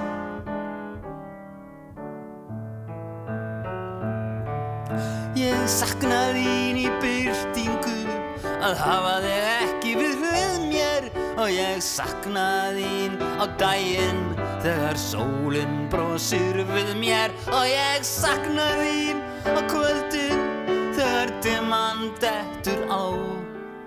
En ég sakna þín mest á nóttinni er svipirnir fara á stjá. Svo lít ég upp og ég sé við erum saman að erna tvær stjörnur á blári festingunni sem færast nær og nær. Já mann þig þegar augun mín eru opinn hverja stund. En þegar ég nú legg þau aftur fer ég á þinn fund. Tvær stjórnur, Megas þá þetta ótrúlega lag og texti. Já. mjög fallegt Nú er það Kargilagi Ragnar Elin, hvað ertu þar? Það hefur komið fram í þessum þætti að ég syng ekki mjög vel Nei. og ég er kannski svona típan um, sem syngur þess að hátt í, í, á ákveðin svona þjóðatíð og svona og ég típan sem syng mjög illa hátt og kann alltaf texta þannig að ég er, ég er þessi Ég er þar líka, já. ég er algjörsamlega laglaus sko. Ég er algjörlega laglaus og en bara að því að ég kann textana og finnst mér ég þurfa að deila því með Mm, fólki já. Um, ég hef ekki sungið mikið í karaoke það var doldið þarna þegar Oddsson var Já. þá kom svolítið aftur að því að Já, það var svona fara í prívat. herbyggið sko. já, nákvæmlega. en svona karaoke momenti mitt er tengist læginu sem við ætlum að spila sem er hérna I'm on the top of the world eða hvort það heitir bara top of the world með The Carpenters Mhm.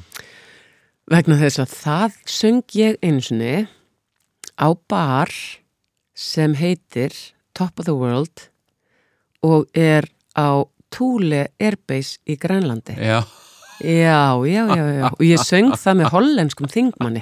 Við vorum stödd þar í NATO-ferð. Og, hérna, já, hérna og við vorum bara á þessum bar og þar er karaoke, þú veist, svo hversu random, random sem þetta getur verið. Þetta var reyndar amerískur, um, amerísk herstöð og okkur þótti svo ótrúlega fyndið að vera hérna, á þessu bar með þessu nafn og þá var karaoke þannig að þetta lag var bara eina lagi sem gott að greina. Ég á eitthvað staðar en samt í einhverju tölvu sem að ég man ekki lengur líkilorðið á og hérna er eitthvað stærri upp í skáp á ég mér að segja vídeo af þessu. Kannski er ágætt, þú mást ekki líka Nei, ég mun ekki leita að því maður veit aldrei með samfélagsmiðlanu núna að það væri búið að deila þessu örgulega bara á no time. Carpenters, top of the world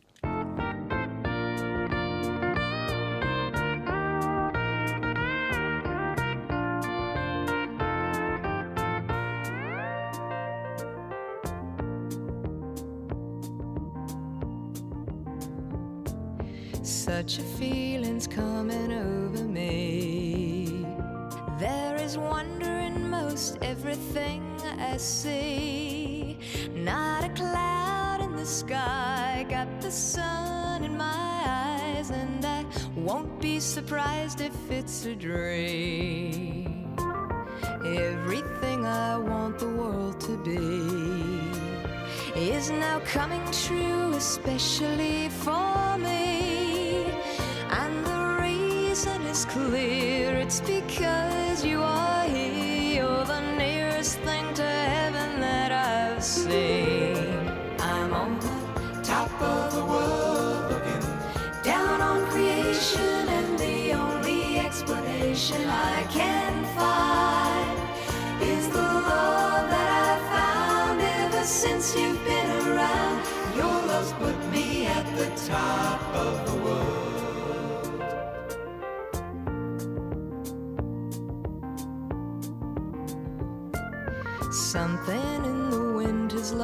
My name. And it's telling me that things are not the same. In the leaves on the trees and the touch of the breeze, there's a pleasing sense of happiness for me. There is only one wish on my mind. When this day is through, I hope that I will that tomorrow will be just the same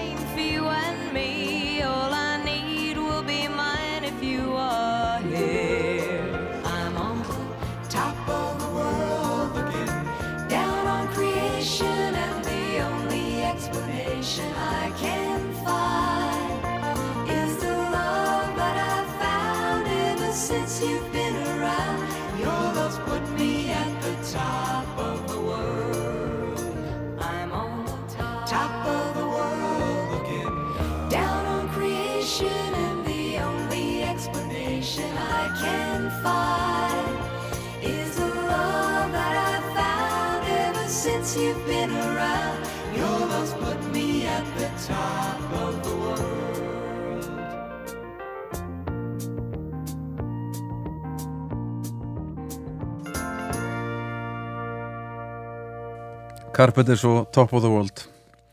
Þetta er með betri karkusjóðum sem ég hef heyrt sko. Já, það ekki? Jú, þetta var, sko. þetta var hérna algjör sigur Já, í minningunni. Nákvæmlega. Herðu ferðalögin.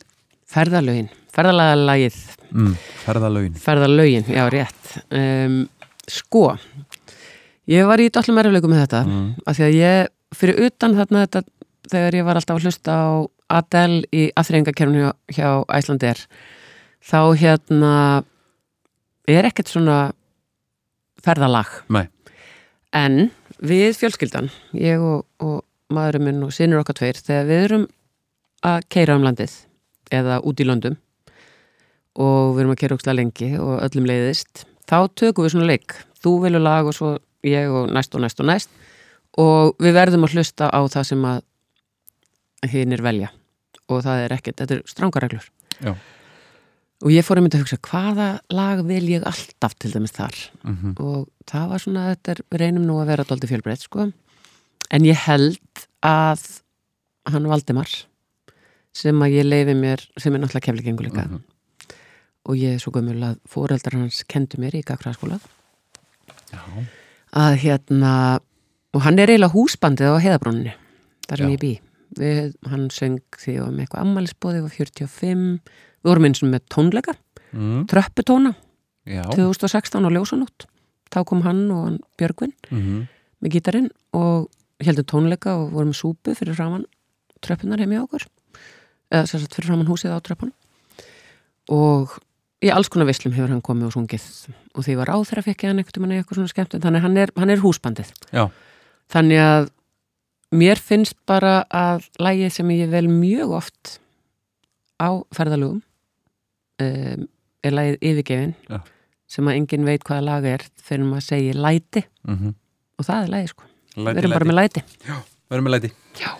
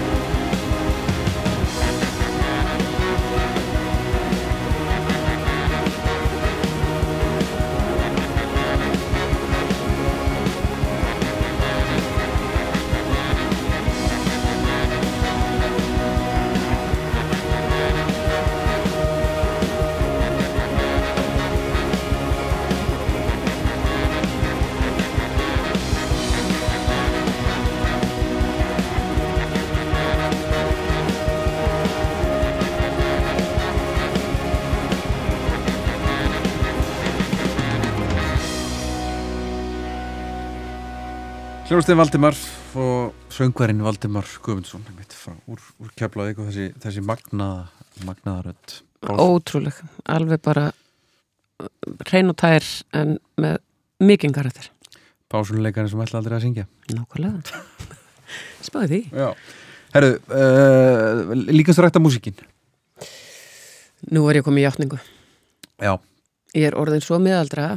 Ég er mjög dúlega fyrir ræktina. Já, og ég er alltaf að hlusta á talað mál í Já. ræktinni ég ger þetta stundir líka, mér finnst það þægilegt. Já, En það er kannski að ég hlusta músík allan daginn í vinnunni. Já, ég ger það reyndar ekki. En ég er yfirlegt alltaf að hlusta á eitthvað. Hérna, þú veist, það var eiginlega bara þegar ég bjóð í New York og var með vasætti sko, Já. sem að ég hlustaði á, á músík í ræktinu og það var Já. mikið með Björk á, þeim tíma. á, Þú ert millir 92 þú veist, í New York eða? Já, 92 til, nei, í New York 95 til 7 Já, 92 til 5 í Washington besta borg í heimi algjörlega. Þessar tvær eru bara eiga mjög stóran staði í mínu hjarta, bæð, bæði Washington og, og New York. Já. Ég er ekki búin að eiga heima þar. Nei, Ég á eftir að fara aftur ég skil einhvern tíma. Gulli Gulli, gulli. En hérna, en stundum í ræktinni þá, svona eða kannski bara ég finn ekkert, þá set ég músík og lag sem að mér hefist sem að kemur alltaf hjartana stað er hérna Viva la Vita með, með Coldplay. Mér finnst Coldplay æðislega hljómsett mm -hmm. Veist, hún, það er svona líka ég er að fatta það núna, ég þátt að setja hann á tónleikalistan. Mm. Að Frábæra á tónleikum. Já, mér langar rosalega að sjá, það- að sjá það á tónleikum. Og hérna, að setja það bara á bucketlistan. Þeir hafa ekkert komið hingað það Jú, tvisar Ó, þeir hafa komið hingað. Ég var kannski stór annstað bara. Ég finn næst. Við valaði víta, Coldplay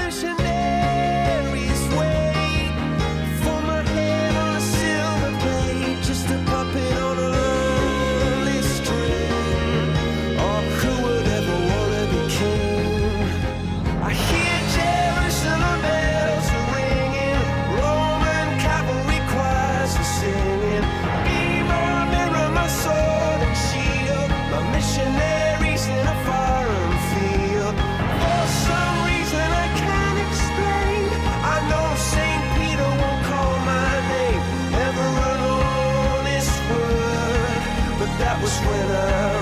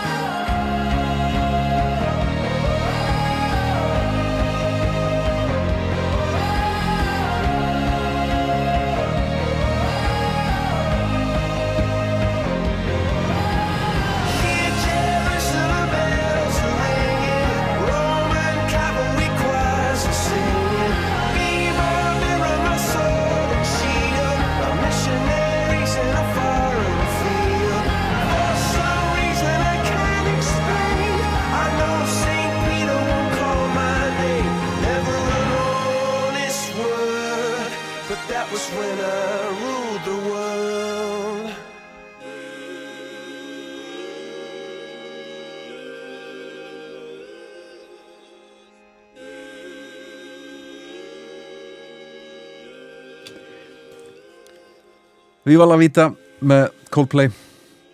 Þú færði næstu Coldplay tónleiku Já, Ég og ég skammast minn daldi fyrir að hafa ekki vitað að þeir hefðu komið yngar Það er ekki að vita þetta allt saman sko. Nei, ég verður örgulega rosalega upptekin í einhverju merkilu og akkurat hefðu komið. Hefur ekki að segja það? En varst í prókjöri, segjum það bara. Já, já, það ekki? eitthvað svolítið Það bara komst ekkert annað að það Herru, síðasta lagi sem þú deildir á samfélagsmiðlum? Já, þetta var nefnilega, ég fór að hugsa Ég hef bara aldrei deilt neinu á samfélagsmiðlum. Nei. Neinu svona lægi Bara gert, bara ekkert að því. Mhm. Fyrir en ég fatt að ég gerði það víst. Núna bara ekki alls fyrir löngu. Og hvað gerir maður ekki fyrir börnin sín? Nákvæmlega. Að því að hann er nefnilega Vestló á öðru ári og er formaður Jómans sem er svona vídjónend sem býr til alls konar músik og lög og þætti og eitthvað. Ótrúlega flott er flott, flott, flott, þetta er náttúrulega strákastarp og hérna þeir voru gefa út lag þegar skólinn byrjaði, busalagið með Jómanum og ég deildi því náttúrulega eins og allar mæður gera þegar Mhm. bönnin þeirra ég er svona óþálandi mamman og deila öllum æðislegur. Þannig að ég ætla bara að hérna, velja þetta lag, busalagið með Jómanum sem að hefur þann til að vera eina lagi sem ég hef nokkuð um að deilt á Facebook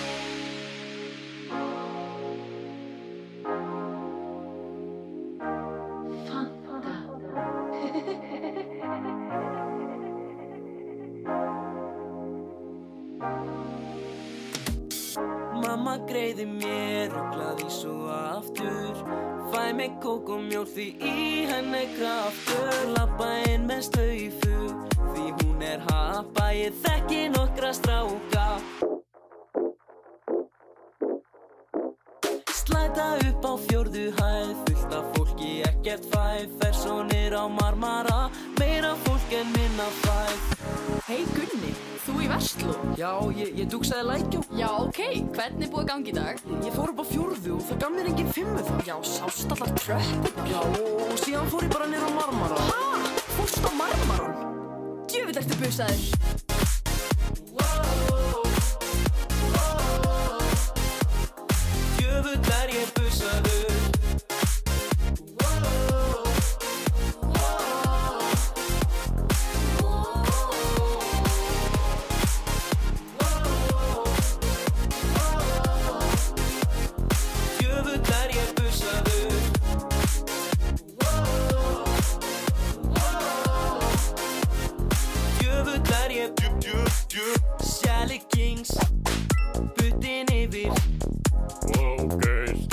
þarna blóstu yfir strikið.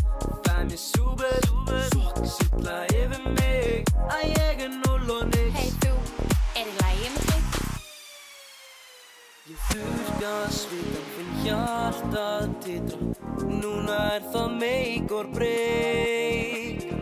Haus án orða. Allir er að horfa. Viltu koma í sleik? Djöfull ertu busaður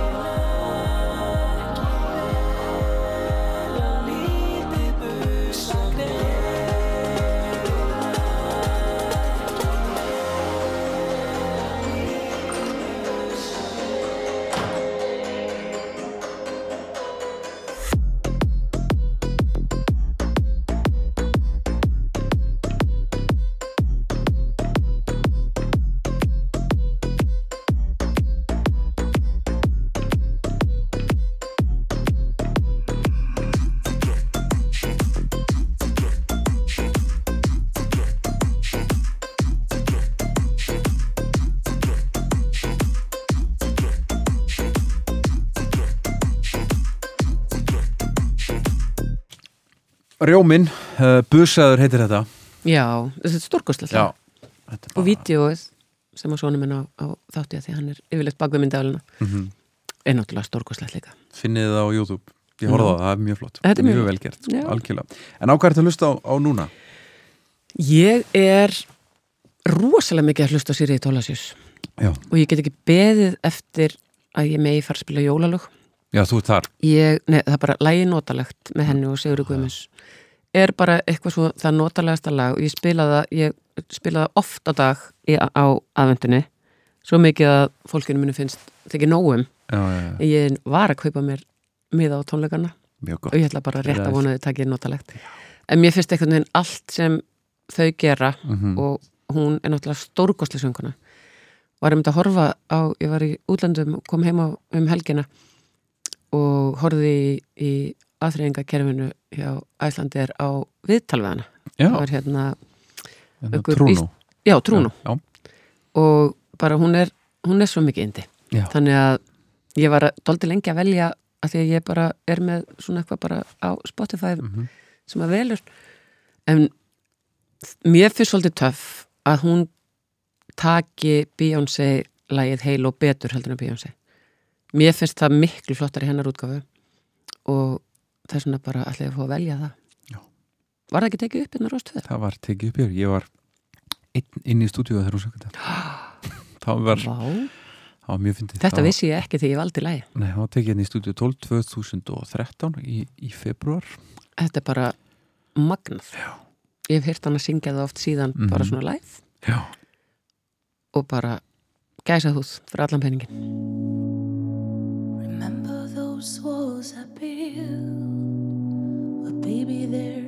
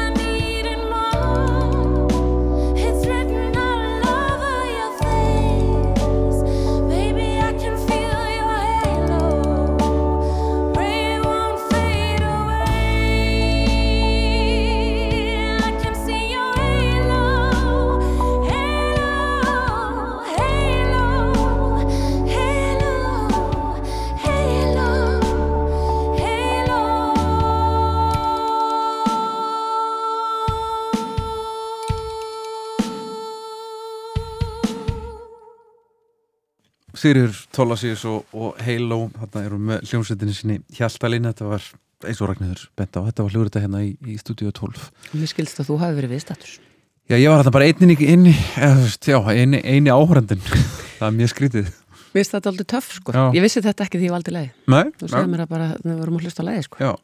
Þannig að þetta var meant to be. Síðustu tónleikur sem þú fórst á? Ég held að það væri Ed Sheeran tónleikarnir og var alveg búin að velja hérna, Castle on the Hill að því að mér finnst að það er uppáhalds Sheeran-lægi mitt. Já. Þegar ég myndi eftir ég sá annan ekki síðri tónlistamann jafnvel betri á pínulitlum tónleikum í pínulitli kirkju í höfnunum á ljósanótt. Já, sástu það? Ó, Jónas Sig Það var vist magna Herðu, þetta er, hann er náttúrulega bara algjörst uppáhald. Og ég fjall fyrir honum því ég fór ekkert um hann á tónleika í Þorlásöp þegar að, að hérna, platan sem var svona hans tribut til Þorpsessins Já, lúra þetta Lúðrasveitarplatan, Ég var á já. tónleiku líka Já, og Tónar og Tryggs Mhm. hérna hljómsveitin sem að mammans var í Mhm. hérna, af ellaheimilinu Já, já. og hann talaði svo fallega um þorpið sitt og mömmu sína og, og bara maður sá hvað skein í gegn, hvað hann er góður maður að ég er kolfjall fyrir hann Mhm. þannig að Suðurstrandavegurinn fyrir mér er Jónasig um, og alltaf því kem keirandi að því ég keirði þetta aldrei mikið yfir pólitekinu, alltaf Suðurstrandavegin á leiðin á, á Suðurlandi frá Keflavík alltaf því að koma tilbaka og er að keira niður stóru brekkunum rétt árum að kemur að Grindavík og sá hérna hafið sem var stundum stilt og stundum ekki og stundum brjálaviður og stundum rosafallegt Og stundum datt- svart. datt mér alltaf í hug, hafið er svart Mhm. og svo sagði hann þessi tónleikar í, í hérna, höfnunum voru svo frábæra þegar hann var að tala um tilur lagana og hugsunin á bakvið og þetta var, þetta var Já. og hann gerði þetta bara svo ótrúlega vel.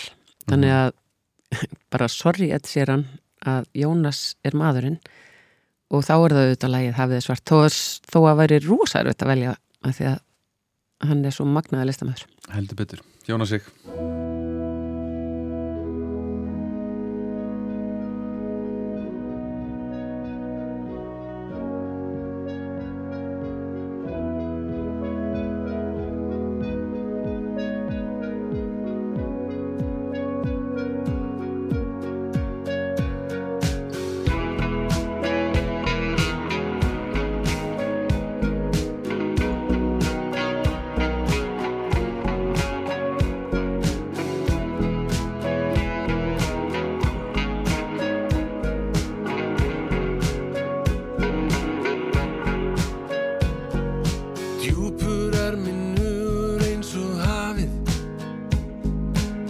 samt aldrei hugsað mig til þín. Sátum först í sama hugar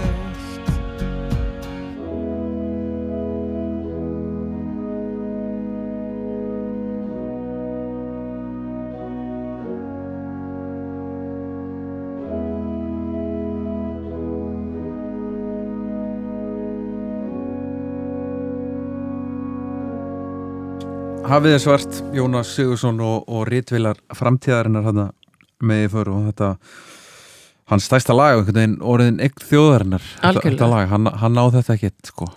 Þetta er ótrúlega gott lag og bara öll hérna, lögin frá þessum stórkostlega tónlistamanni. Mhm. alveg frábær. Erðu, Ragnhjör, Elín Átnandóttir, við erum bara búin.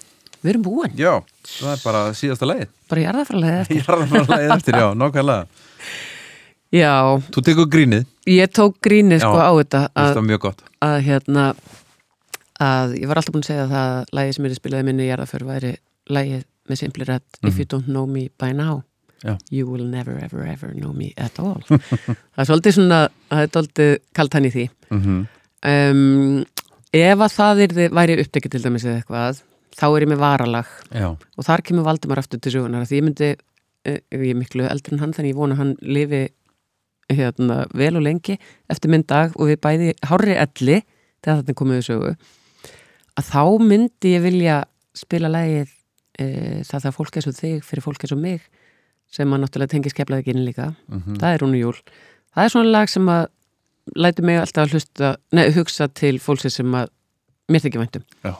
þannig að, að þá myndi það fólk vita að ég væri þakklátt fyrir að þau hefðu verið með mér í, í lífinu Mhm. þannig að það er eiginlega lægi sem ég myndi, myndi ekki vilja sleppa í erfinni Takk hérlega fyrir að vera gestur minn, Ragnhjör Takk fyrir mig